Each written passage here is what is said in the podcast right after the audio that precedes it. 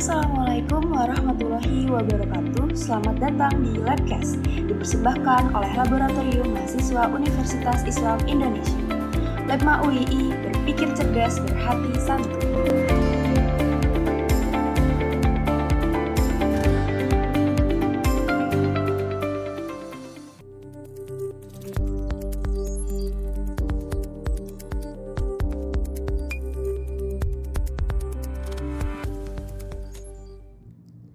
Assalamualaikum warahmatullahi wabarakatuh. Selamat datang di Labcast, podcast persembahan dari Laboratorium Mahasiswa Universitas Islam Indonesia. Puji syukur kita panjatkan kepada Allah Subhanahu wa taala atas segala rahmat dan nikmat yang diberikan. Salawat serta salam kita junjungkan kepada Nabi Muhammad Sallallahu Alaihi Wasallam, kepada keluarga dan juga para sahabatnya. Halo pendengar Labcast, Gimana nih kabarnya? Semoga di mana pun kalian berada, tetap dalam keadaan sehat ya. Kembali lagi nih di episode Labcast dalam serial Muslim Scientist dengan judul Begadang ala Mahasiswa. Dengan saya Salman Al-Farji Akbar dari jurusan Kimia Angkatan 2020 sebagai host. Dan saya ada Siti Nurjana dari jurusan Hukum Islam Angkatan 2018 sebagai co-host. Bersama narasumber kita hari ini ada Dr. Miranti Dewi Paramaning Tias, MSC. Selamat datang di Labcast, Dok. Ya, Ade dan Salman, terima kasih atas kesempatannya. Kali ini Labcast menghadirkan serial Muslim Scientist yang akan menyajikan informasi Islamic Science dengan mengangkat masalah-masalah terkini yang dibahas dengan keselarasan sisi Islamik dan juga sains. Kami berhasil mengundang Dr. Miranti sebagai narasumber yang sangat luar biasa untuk membahas topik terkait kita hari ini, yaitu begadang ala mahasiswa. Assalamualaikum dokter. Selamat datang di Labcast, Dok. Waalaikumsalam warahmatullahi Terima kasih. Uh, gimana nih dok kabarnya? Semoga dokter dan keluarga uh, sehat selalu dok nih. Ya, alhamdulillah. Uh, kemarin sempat merasakan isolasi mandiri, makanya saya bisanya setelah tanggal 6 itu karena isolasi mandirinya selesai tanggal 6. hmm, alhamdulillah ya dok memang sih akhir-akhir ini kasus COVID sangat meningkat ya teman-teman. Jadi tetap harus jaga kesehatan nih. Ada pepatah nih dok, kenal maka saya. Nah, boleh kenalan dulu dong sama pendengar Labs. Um, saya Miranti Dewi Pramaningtyas. Sehari-hari saya mengajar di Fakultas Kedokteran Universitas Islam Indonesia sudah sejak sekitar tahun 2008 pertama kali saya bergabung di FKUII sampai sekarang. Itu basic saya dulu kuliahnya di UGM, kemudian untuk S2-nya fisiologi itu termasuk ilmu kedokteran dasar dan biomedis di UGM juga. Wah, perjalanan cukup panjang ya dok menjadi dosen sejak tahun 2008. Sebelumnya, kita mau mengucapkan terima kasih yang sebesar-besarnya nih dok, karena dokter sudah meluangkan waktunya untuk mampir ke Labcast dan bersedia untuk berbagi informasi yang insya Allah bermanfaat. Jadi, topik ini berangkat dari permasalahan yang sempat viral di media sosial beberapa waktu lalu terkait uh, kebiasaan dan gaya hidup mahasiswa. Salah satunya adalah tidur larut malam nih dok. Hal ini sepertinya sudah menjadi identitas sejati dari seorang mahasiswa ya kan teman-teman. Bisa jadi karena tugas atau bahkan karena kegiatan di organisasi. Nah, ternyata nih, hal yang sering kita anggap sepele dapat menimbulkan dampak yang sangat besar. Hal ini sangat perlu menjadi konsen bagi kita semua untuk mengetahui apa sih dampak yang ditimbulkan dari kebiasaan ini. Hmm, daripada kita ngira-ngira dampak buruknya, gimana kalau kita langsung aja tanya ke dokter Miranti? Boleh dong dok dijelasin dari sisi kesehatannya untuk para pendengar Labcast dan mahasiswa lainnya, apa saja sih dampak buruk dari begadang? Oke, ya Salman sama Ade. Uh, begadang ya. Kalau zaman dulu kayaknya juga selama saya mahasiswa tuh kalau ada tugas tadi kan terkait dengan pekerjaan. Uh, maaf, tugas ya maksudnya. Itu kalau belum deadline itu kayaknya belum ada semangat tuh. Kreativitas juga belum muncul. Jadi menjelang deadline itu aduh besok jadi mau nggak mau dengan segenap tenaga semalaman sampai pagi begadang gitu nggak tidur aja tuh kayaknya nggak apa-apa gitu loh. Langsung selesai di print atau kalau misalnya enggak nanti di fotokopian jadi dikumpulkannya itu masih hangat. Ya, bener-bener masih hangat fresh from fotokopian gitu. Itu uh, memang sepertinya banyak sekali terjadi di kalangan mahasiswa ya um, kalau kita membahas tentang dampaknya tentu saja dari segi kesehatan itu jelas ada dampaknya banget untuk kesehatan kita tidak hanya untuk remaja mahasiswa tapi juga orang dewasa kalau begadang tidur malamnya kurang itu jelas akan berdampak. Yang jelas sekali biasanya terkait dengan yang namanya hormon serotonin. Sebenarnya itu adalah hormon yang keluar kalau tubuh kita itu ada peningkatan beban kerja baik itu secara fisik, kemudian secara psikis, apalagi kalau begadang, malam itu kan sebenarnya waktu yang tepat untuk istirahat. Kalau seseorang tidur cukup pada malam hari, kalau tidur cukup nih ya, maka hormon pertumbuhannya itu akan keluar dengan optimal. Lalu juga ada yang namanya hormon melatonin, itu akan membantu seseorang untuk tidur nyenyak dan juga untuk membantu uh, memperbaiki kondisi tubuh selama istirahat itu. Nah, kalau tidur kurang untuk hormon pertumbuhannya, melatoninnya itu juga akan terganggu digantikan oleh yang namanya serotonin. Terus efek serotonin ini apa? Ternyata dia itu nanti akan menyebabkan perubahan-perubahan pada sistem kekebalan salah satunya. Karena kita tuh ada peningkatan beban kerja pada saat malam hari yang seharusnya istirahat, status kekebalan kita tuh akan berkurang. Lebih mudah merasa capek dan tidak bugar pada hari besoknya jelas karena kurang istirahat meskipun kadang-kadang nggak dirasain ya. Atau di malam aku begadang ngerjain tugas pagi ini aku biasa aja tuh gitu. Tapi hari berikutnya kalau misalnya dirasakan maka tingkat kebugarannya akan turun. Lebih mudah mengalami yang namanya misalnya batuk pilek ringan. Memang sih kayak cuma sehari dua hari tapi sering gitu. Uh, tadi batuk pileknya mungkin ringan tapi sering setiap bulan sekali atau bahkan seminggu sekali gitu. Kemudian karena stres perutnya sering merasa nggak nyaman, aduh diisi sedikit, nggak enak, sering ngerasa lapar-lapar nggak jelas, tapi mau makan juga nggak mau, terus pikirannya adalah uh, apa ya pesen online apa ya kayaknya enak nih begitu makanannya ada di depan aduh nafsu makan sudah hilang gitu duit sudah keluar, karena sudah dibayar, nah, hal-hal semacam itu. Salah satunya itu. Jadi meningkatkan hormon serotonin, eh, menurunkan kekebalan, kadang juga mempengaruhi nafsu makan, dan mempengaruhi kebugaran. Mahasiswa yang sering begadang mungkin tidak sempat itu ikut organisasi, nggak sempat itu uh, membuat karya-karya yang sebenarnya bisa dioptimalkan potensinya, tapi nggak sempat karena aduh capek, rebahan aja deh, scroll-scroll, like, comment, dan seterusnya. Gitu, Salman dan Ade. Oh gitu ya dok. Jadi dari penjelasan dokter sebelumnya bahwa begadang itu dapat menyebabkan gangguan hormon pertumbuhan dan juga menurunkan sistem kekebalan tubuh serta lebih mudah terserang batuk pilek ringan. Di sedikit diberi saran terkait solusinya gimana nih dok? Karena mungkin dokter bisa uh, memberikan trik khusus selama dokter menjadi uh, mahasiswa uh, seperti kita atau Eh, karena ya secara realita kita nggak bisa pungkiri bahwa uh, seorang mahasiswa sering tidur larut malam karena banyak tugas seperti itu. Mungkin um, bisa uh, dijelaskan juga atau diberikan trik terkait uh, memanfaatkan waktu dengan sebaik mungkin agar kita tidak terlalu uh, memforsir di malam hari seperti itu. Ya, ada Tadi sebenarnya ada sudah menyampaikan sendiri loh tipsnya bagaimana memanfaatkan waktu agar tidak terforsir di malam hari menjelang deadline.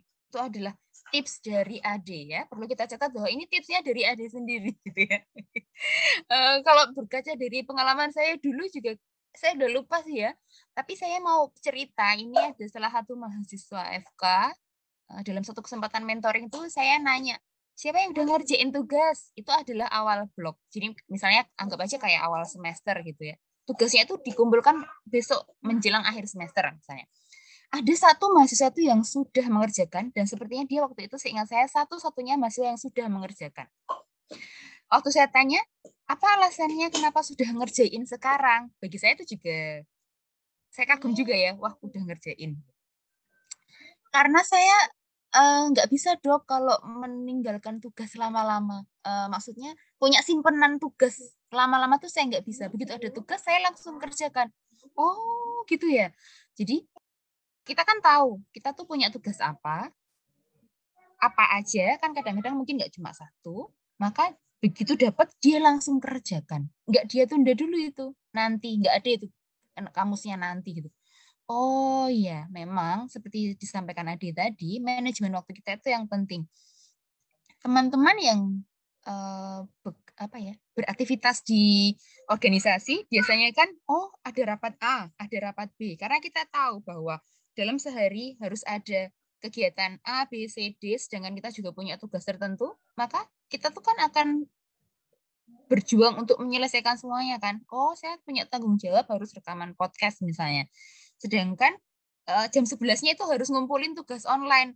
Berarti sebelum podcast ini dilakukan, tugas saya pribadi harus selesai. Hal-hal semacam itu. Jadi kita tahu kalau misalnya di bagan kotak dua kali dua itu loh yang mendesak dan penting, tidak mendesak dan tidak penting, tidak penting dan mendesak, atau penting tapi tidak mendesak. Nah, kita buat pekerjaan kita itu menjadi penting tapi tidak mendesak.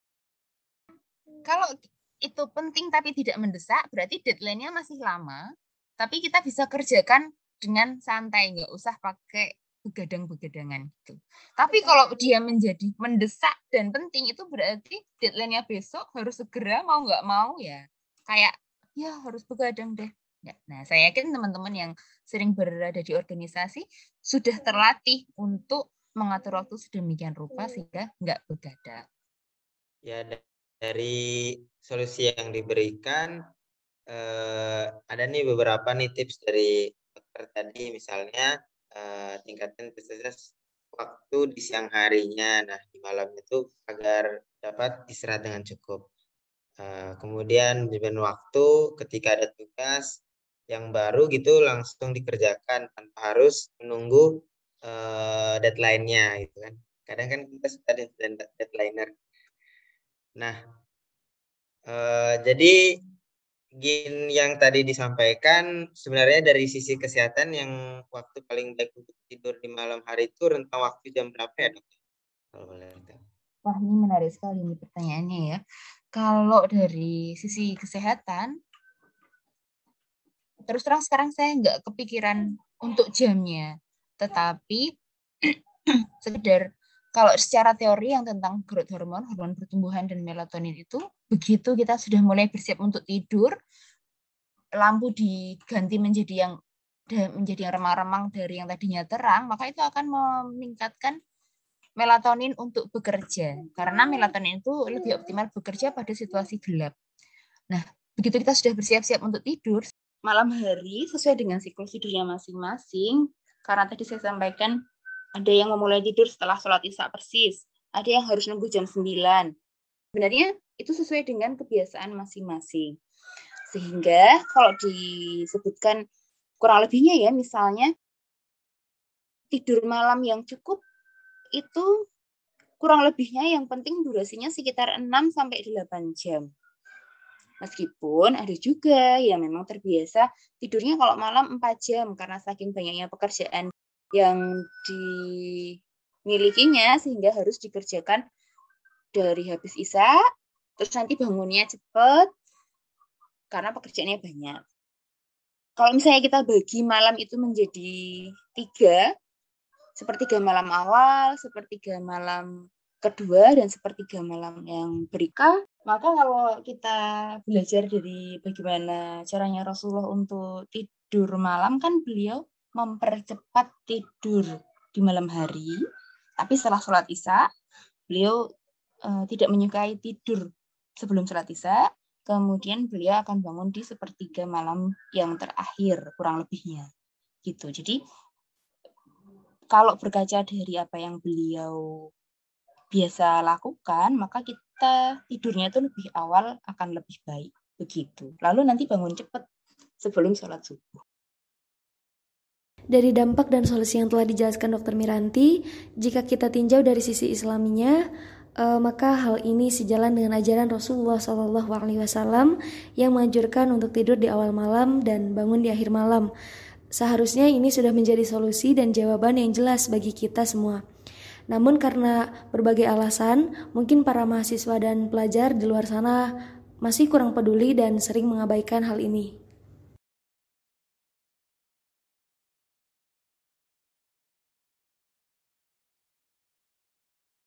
Baik dok, eh, sebagai penutup nih, eh, apa nih tips-tips bagi sobat Labcast untuk pembagian waktu yang pas bagi para mahasiswa agar tugas dan keperluan studi aman tanpa begadang dan sejalan di Rasulullah SAW efektifnya gimana nih dok? Oh ya, ya pada dasarnya kalau kita berusaha menyelaraskan ya, ini sekaligus mengingatkan diri saya pribadi dulu ya, kadang-kadang saya lakukan sekarang, saya membuat list daftar pekerjaan saya. Saya harus ngapain hari ini? Satu, buat skala prioritas.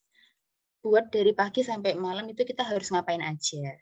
Kemudian yang berikutnya, tadi adalah menghindari melakukan hal-hal yang tidak perlu. Hal-hal yang tidak perlu itu kalau sekarang ini godaannya banyak banget soalnya.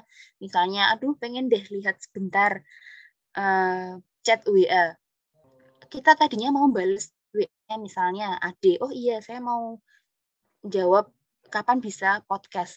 Terus tiba-tiba brudul notif teng teng teng teng teng teng teng teng banyak banget terus kita menjawabin semua chat WA itu ternyata itu bisa lama banget atau media sosial yang lain, timeline FB, newsfeed Instagram, aduh berita A, kepo sebentar, eh terus bawahnya ada berita lain lagi, baca lagi dan seterusnya.